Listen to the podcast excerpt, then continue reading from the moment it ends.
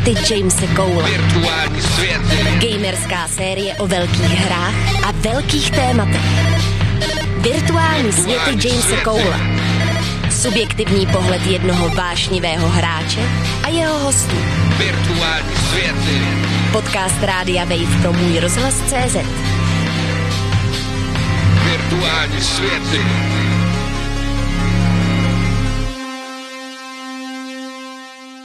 Epizoda 4. Historie videoher.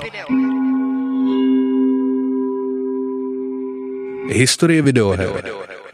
Podle nejvyššího stádia je možné stanovit úpadek i počátek. Je to pozorovací bod, který v dějinách dovoluje odhalit smysl. Smysl. Otázka je ovšem v tomto případě složitější. Protože lidstvo si hraje od nepaměti a videohry by bylo možné vnímat jako do jisté míry nutnou emergenci, která nastala s příchodem patřičných technologií. Jinými slovy, jakmile se objevily počítače, museli se dříve nebo později objevit videohry. To nám z dnešního pohledu přijde samozřejmé. Nikdo však nemohl vědět, kudy se budou ubírat cesty hraní. Na konci 70. let to byly arkádové automaty, které dominovaly. V druhé polovině 80. let pak zažili rozmach 8-bitové počítače a vývoj pokračuje dodnes. K opulentním titulům za desítky milionů dolarů, k indie scéně, k hraní na mobilních zařízeních, k systémům VR, k onlineovému hraní a všudy přítomné profesionalizaci videoher. videoher. Kultura videoher je dnes na míle vzdálená svým rodinným příbuzným, tisíce let starým deskovým hrám a organizovaným sportovním kláním. Klání. Člověk se zdá být zanořen do hraní celou svou bytostí a bere ho smrtelně vážně. Stačí se podívat na fotbalové utkání. Moment. Jenom jako? Jako by vstupoval do neustálého dynamického pohybu s momentem do opravdy.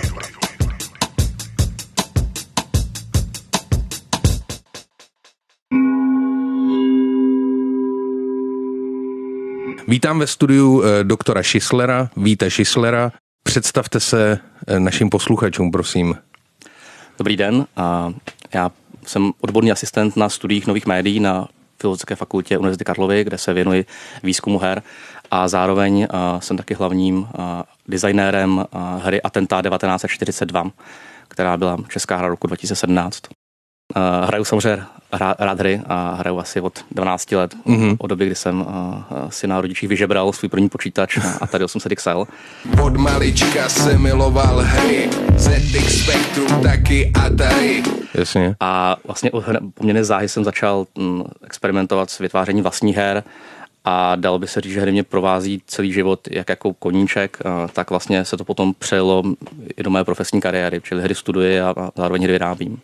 Jasně, takže vy jste na jedné straně e, fanoušek her, na druhý e, z jiného pohledu jste vývojář a zároveň se tím zabýváte nějakým způsobem i teoreticky. Přesně tak. Takže to je absolutní full package. je to full package, myslím, že takový příklad, když vaše dítě hodně hraje hry, tak e, jako nemusíte zoufat, třeba, třeba to jedno bude jeho kariéra. Ano, ano, ano, ano, ano, ano. Tématem dnešního dílu je historie hraní. Deleuze, kde si napsal, že vlastně eh, počátek nějakého procesu nebo čehokoliv lze vlastně stanovit až potom, co kulminoval, co dosáhnul určitýho vrcholu. Eh, kam vy byste položil prst, eh, kdybych se vás zeptal na to, jak vznikly moderní videohry? Kde? To je, a, jako na, na to rozhodně není jednoduchá odpověď a, a odpovím dvakrát. Existuje, jako řekne, tradiční přístup nebo jako, jako tradiční pohled na historii počítačových her, na historii videoher, který se dívá na vývoj technologií a dívá se na jakoby, vývoj uh, jednotlivých her a žánrů a, a platform. A tam se dá říci, že taková jako typicky nebo tradičně uváděná první videohra je Tennis for Two z roku 1958, což, což vlastně udělal William Higginbottom. Byla mm-hmm. taková demonstrace, použil analogový počítač a osciloskop a byla to vlastně taková hříčka, kdy na konferenci pracoval v nějaké laboratoři a, a vlastně na konferenci chtěl pobavit návštěvníky a ukázat jim nějakou interaktivní, nějakou interaktivní, a, jak, jak interaktivně předvést vlastně tu technologii, se kterou oni pracují a ta hříčka si získala obrovskou pozornost a o coffee breaku na to stály fronty. A pak samozřejmě jako první skutečně, a teď, je otázka, do jaké míry třeba Tennis Fortu je, je videohra, protože vlastně používá analogový počítač a osciloskop, to znamená, používá jakoby, není tam přímo jakoby ten, ta, ta digitální technologie. První hra, která skutečně jako byla používal počítač a digitální technologie, tak byl pravděpodobně Space War z roku 1962 s tím narasla a jeho kolegu z MIT, nebo byli studenti na MIT. Mm-hmm. Nicméně, a pak jak může pokračovat dál. Samozřejmě tenhle pohled je, a, a Dels má pravdu, tenhle pohled je strašně schematický a ukazuje vám jenom nějaké milníky. A když se na to podíváte podrobně, tak zjistíte, že samozřejmě ty milníky vždycky vycházejí a vlastně kumulují a nějaké experimenty a, a, a jako technologie, které tam byly předtím. Čili my jsme vlastně schopni najít mnohem dřívější pokusy třeba existovaly prostě hry, které existovaly, existovaly piškvorky, které vlastně neměly grafický displej, ale už používali počítač pro jako, jako, jako, jakožto nějakou jednoduchou umělou inteligenci, která hrá s hráčem. A když se na to podíváme trochu z odstupu, tak zjistíme, že ty hry ty hry jako vlastně, vlastně staví na obrovském a dlouhém vývoji her, her jako takových, mm-hmm. který sahá daleko, daleko hlouběji do minulosti než, než ta počítačová technologie. A existuje takový termín, který se mi líbí, je to termín, který zavedl James Ivory, konvergentní evoluce. A ten vlastně říká, že často vlastně, že to médium počítačových her se na ně nedá použít jako na jednu, na, na jednotné médium, ale to vlastně několik úplně odlišných typů, typů her a úplně odlišných jako tradic, které se spojily jenom v tom, že dneska hrajeme na počítači nebo že hrajeme prostě na nějakém displeji, mm-hmm. na nějaké digitální mm-hmm. technologie, ale vlastně ty hry, které hrajeme, tak vychází úplně z různých kořenů a jsou vlastně živeny úplně jinou evolucí. A to, co mm-hmm. on mhm. zmiňuje, tak je důležitá věc, jsou samozřejmě strategické hry, deskové hry, které sahají tisíce do minulosti. Typicky se jedná o nějaké simulace bojů nebo válek. Může třeba zmínit jako nejenom samozřejmě šachy, ale třeba Kriegsspiel, což byla hra, kterou používali pruští důstojníci pro cvičení vlastně strategického myšlení. A která, když se ní podíváme, tak dneska třeba velice připomíná civilizaci. Je to prostě hra, kdy si sestavíte, kdy si vlastně z kartiček, které jsou variabilní, sestavíte herní pole, máte tam jednotky, řeky, mosty, diplomaci, etc. A to, to, to je fakt jako byl jako hluboký proud, který živí velkou část her, ať to jsou akční hry nebo ať to jsou strategické hry. A pak existuje úplně jiná vlastně tradice a to je tradice, řekl bych třeba uh, Dungeons and Dragons, nej, vlastně jako nejrůznější jakoby her na hrdiny, které se hrály, uh, které se hrály prostě s papírem, tuškou ve fantazii, stále se třeba hrají u nás dračí doupě. A to jsou hry, které se, které byly hrozně populární v 70. letech a se jakoby jednoznačně to, čemu dneska říkáme RPG, role-playing games, hry na hrdiny, ať, ať, to je, ať, to, ať to jsou prostě ty původní hry, nebo třeba ty obrovské jako uh, masivní multiplayerové hry typu World of Warcraft, tak mm-hmm. to mhm. všechno vlastně vychází z téhle tradice a těch stolních her na hrdiny, které zase ale, jako když se na podíváme hlouběji, tak jsou živeny, nebo tak stojí na univerzu, které vytvořil Tolkien v Pánu prstenů, který zase sám byl inspirovaný anglosaskou mytologií, mytologií, mytologií. A vlastně, jak mm. vidíme, takže vlastně dneska, když se podíváte na ten na třeba svět, který vytváří fantasy hry, mm-hmm. tak eh, by to je vlastně svět fantazie, tak do značné míry je hodně uniformní. Máte mm-hmm. tam elfy, trpaslíky, gobliny a tohle vše troly. A to všechno prostě vychází z jednoho jakoby hodně silného podhoubí a to je právě severská anglosaská mytologie. Um, to máte pravdu. Pravdu. pravdu, pravdu, pravdu. Rozhodně vlastně v těch 80. Eh, letech to byly ty dungeon crawlery, který strašně připomínají vlastně, to je, to je Dungeons and Dragons hozený Přesně Přesně, no. rozhejbaný a pak vlastně i ty věci z 90. let, jako já nevím, Baldur's Gate nebo tak, tam byly přímo inkorporovaný ty ty pravidla, ty, ty pravidla, pravidla že, světy, že, no, přesně, no. že vlastně tam se hází kostkou uvnitř té hry. Přes, přesně tak, to je jako strašně zajímavý, že to je jako, vlastně do, pro mě jako dlouhý vývoj počítačové hry vypadá tak, že vezmete vlastně hru, která existuje v analogovém světě a nějakým způsobem překlopíte do toho digitálního.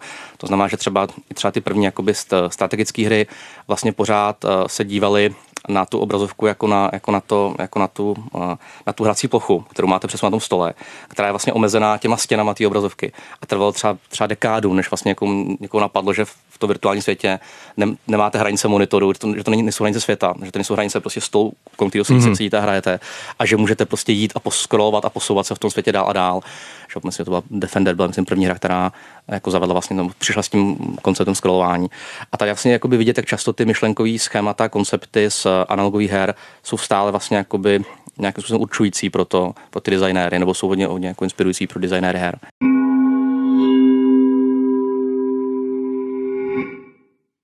Jasně, takže eh, konvergentní evoluce, podobně jako u mnoha jiných odvětví, jako já nevím, třeba u fotografie, musela se dospět eh, k nějakému bodu ve fyzice, v optice, v chemii, aby mohla vzniknout fotografie, tak vlastně digitální hra mohla vzniknout vlastně až v momentě, kdy eh, jsme měli první digitální stroje, které se zbavili těch analogových součástí.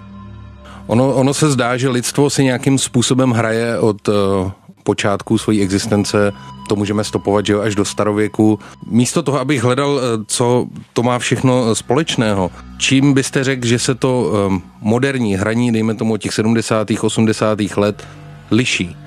Já bych ještě navázal na, na tu vaši myšlenku, že jako to si hraje od nepaměti. Podle mě hra, jak, jak, jak se vlastně hrou uh, profesně zabývám, tak hra je podle mě strašně jako důležitá jako lidská potřeba. Že to jako mm-hmm. není v žádném případě, jako v žádném případě neberu hru a hraní jako něco jenom jako uh, frivolního nebo něco prostě, jako, jako, že to je, není to rozhodně jenom dětská aktivita, podle mě jako hra je proti hra jako strašně, vlastně pro všechny, jakoby řekněme, uh, jako, jako pro všechny prostě druhy je, je hra hrozně jako důležitý prvek učení se, mm-hmm. nápodoby mm-hmm. a jako nějakého testování různých životních situací.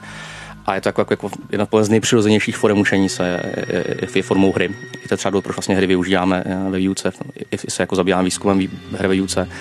A podle i, i pro, jako vlastně pro dospělí, pro, pro, pro, nás dospělí je prostě hra, jako, může být hra jako zásadní, zásadní potřeba, která jako naplňuje nějaký jako naplně plně něco jako, jako no. co, to, co, co, docela mm. hlubokého člověku, co prostě potřebujeme pro, pro to, abychom byli jako, jak, nějakým způsobem jako, jako, jako zdraví, vyrovnaný a v pohodě. Jako jedna věc je úplně jednoznačná a v 80. a 90. letech bylo hraní v zásadě doménou poměrně malé subkultury. To znamená, ty jako hráči byli vlastně nějaká jako menší, menší komunita, byly, ta skupina byla homogenní a ty hry tomu vycházely vstříc, to znamená v dominantní formou hraní, řekněme v 80. 90. letech bylo něco, čemu bychom dneska řekli hardcore gaming, to znamená to skutečně byly jako hrály se prostě hry, které byly výrazně těžší než dneska, vyžadovaly výrazně víc času na, jakoby, ta, dneska samozřejmě se nám můžete strávit taky na obrovské množství času, ale uh, tehdy jakoby tam byla velmi dlouhá učební křivka, kdy mhm. vlastně, pokud jste chtěl skutečně hrát nějakou hru, ať to byla prostě civilizace nebo přesně jakoby nějaký ty starý dungeony, uh, tak ta hra po vás vyžadovala jako desítky, ne stovky hodin, uh, mm. abyste uh, se ji naučil a dostal se do konce. Dnes se to hraní proměnilo. Hraje mnohem větší segment populace. To znamená, že hráči jsou jako naprosto mnohem víc různorodí, než byly, než byly tehdy. Je spousta lidí, kteří hrajou prostě jenom občas casual gaming, prostě hrajou nějaký třeba mobilní hry cestou, cestou do práce a v žádný případě jako nejsou ochotní, třeba nemůžou investovat prostě desítky hodin do her. Čili ty hry se tomu přizpůsobily. A ty hry se tomu přizpůsobily, stále existuje segment her, jakoby, řekněme, pro hardcore hráče, ale vedle toho existuje stále spousta jako široký palety her, které prostě vyhovují různým stylům hraní. A obecně bych řekl, že hry jsou dneska jako, ty, ta, ta, ta, ta obrovská generalizace, jo, to je jako věc. Vždycky hmm. říkáte něco o, o celém tom segmentu, tak samozřejmě tak vlastně už jako z podstaty neříkáte, neříkáte celou tu věc, ale kdybych to zkusil generalizovat, tak bych řekl, že hry jsou obecně jednodušší a vyžadují méně času pro to do nich vstoupit. A taky často, když se podíváte, jak se proměnilo online hraní, když se podíváte na, na, na to, co dneska vede v online hraní, což je Fortnite, tak eh, to je hra, která vlastně, kde jednu jako session zahrajete za 10-15 minut. Je to vlastně poměrně jako rychlej zážitek, který se dá opakovat, ale ta samotná hra je velmi krátká. Zatímco typicky World of Warcraft, který že dominoval prostě hraní před deseti, deseti lety uh, online hraní, tak uh, ten po vás vyžadoval mnohem, jako mnohem větší času investici do té jedné hry, uh, do, do toho jednoho rajdu nebo, nebo, nebo do, do toho vývoje postavy. A to bych řekl, že je jako taková možná jako znak i toho hraní dneska, čili je to všechno, je to, je to rychlejší, vyžadujete a dávám to jako víc, se snaží ta hra vám dát nějakou jako pomocnou ruku. A samozřejmě, ale že i dneska prostě vychází hry, které jsou eh, jako těžký a vyžadují spoustu času. A samozřejmě to jsou to hry, které mají třeba i klidně obrovský komerční úspěch u, u určitého segmentu hráčů. Typicky Factorio je jako dobrý příklad hry, která prostě mm-hmm. jako vám nedává nic zdarma, naopak vás stále nutí v podobně ve stylu starých her investovat spoustu času, nebo Kingdom Come Deliverance, to je no, dobrý příklad jako her, který vlastně záměrně se trošku vrací k těm kořenům hraní z 90. let. Jo, jo, já, já souhlasím, vzhledem k tomu, že už nejsem taky nejmladšího data výroby, tak jsem vlastně ten 80-kový gaming zažil, dejme tomu na ZX Spectru, od malička se miloval hry, ZX Spectrum taky Atari. A tam tuším nešlo ani saveovat to člověk to musel odehrát najednou tu hru, nebo ty první jo. generace 8-bitových, 16-bitových konzolí, tam nešlo saveovat. Byl, to... Byly některé hry, se, některé myslím, jako umožňovali saveovat na kazetu, ale bylo to jako velmi vzácný a většinou přesně člověk prostě musel tu zapnout a a a dohrát ji dokonce během jednoho hraní, což eh, sám velmi jako málo kdy stalo ve skutečnosti. Čili to, to, naše hraní prostě byla jako soustava pokusů dostat se co nejdál a málo kdo z nás Memorizo- memorizovat, že jo, to, co... ty, ty, ty, ty pohyby a, a to je přesně ono, no. Že mám jako plnou zkušenost a akorát u mě to bylo Atari 800 XL a ne No jasně. tedy Spectrum. No ten, ten svět se opravdu proměnil. Ta, já to vnímám podobně, jak říkáte, když samozřejmě ta generalizace je vždycky nějakým způsobem nepravda, eh, ale rozhodně bych souhlasil s tím, že došlo k velké di- diverzifikaci. Byli jsme u pojmu hra, ještě bych se k tomu vrátil. Hm. Eh, Mně přijde, že tenhle pojem je neustále zatížený takovou dichotomí jako eh, hraní versus eh, vážnost nebo skutečnost. Zatímco filozofové typu Wittgenstein nebo jiní nám ukázali vlastně, že to hraní je vlastně integrální součástí i těch naprosto vážných věcí, i těch nejskutečnějších věcí, že vlastně, já nevím, vedení války do jisté míry sleduje nějaký pravidla hry, že mezilidský vztahy sledují určitý pravidla hry a on se vlastně dostává třeba k pojmu jazyková hra, eh, která je pro něj vlastně fundamentem vůbec um, používání jazyka jako takového, pak už jako nic dál u něj není. Určitě. A Vít Schisler má za sebou rozsáhlou publikační činnost v oblasti historie počítačových her a je také jedním z vyučujících v Ústavu informačních studií a žurnalistiky na Filozofické fakultě Univerzity Karlovy. Je také spoluautor úspěšné hry Československo 3889. Své rázná kombinace interaktivního komiksu a počítačové hry si klade za cíl přiblížit žákům a studentům toto období v hlubších souvislostech. Hry rozhodně můžou výuku obohatit a mm-hmm. můžou nabídnout zase jako věci, které jiná média a nabídnout nemůžou, ale um, mají samozřejmě spoustu nevýhod a v žádném případě neočekával, že nějakým radikálním způsobem tu výuku promění. Prostě budou v té výuce jako další stavební kámen, mm-hmm. stejně jako výuce můžete prostě občas pustit film, někdy čtete knížku, někdy prostě děláte něco jiného, tak toto to médium her má tam svoji jako roli a to, co se ukazuje, že ty hry jsou schopné, čeho jsou schopné dobře, tak to je, můžu vás jako vn- ponořit do nějaké hodně komplexní látky, typicky do nějakého hodně komplexního problému, mm-hmm. který se špatně vysvětluje třeba frontální výukou, protože je typicky moc komplikovaný. Typicky třeba naše první hra výuka, kterou jsme udělali, tak eh, byla hra o a, Evropské unii a, a mezinárodních stazích mm-hmm. a vlastně ukazovala fungování institucí Evropské unie. A to je něco, co je poměrně složité, nudné, dost jako špatně se to vysvětluje a ty studenti prostě střední škol hráli tu simulaci a tam se vlastně vlastně byli součástí toho procesu a byli schopni ten proces jako vidět z různých úhlů pohledu. Což je druhá silná stránka her a to je možnost ukázat vám ten daný problém z různých perspektiv, že si prostě vyzkoušíte různé role.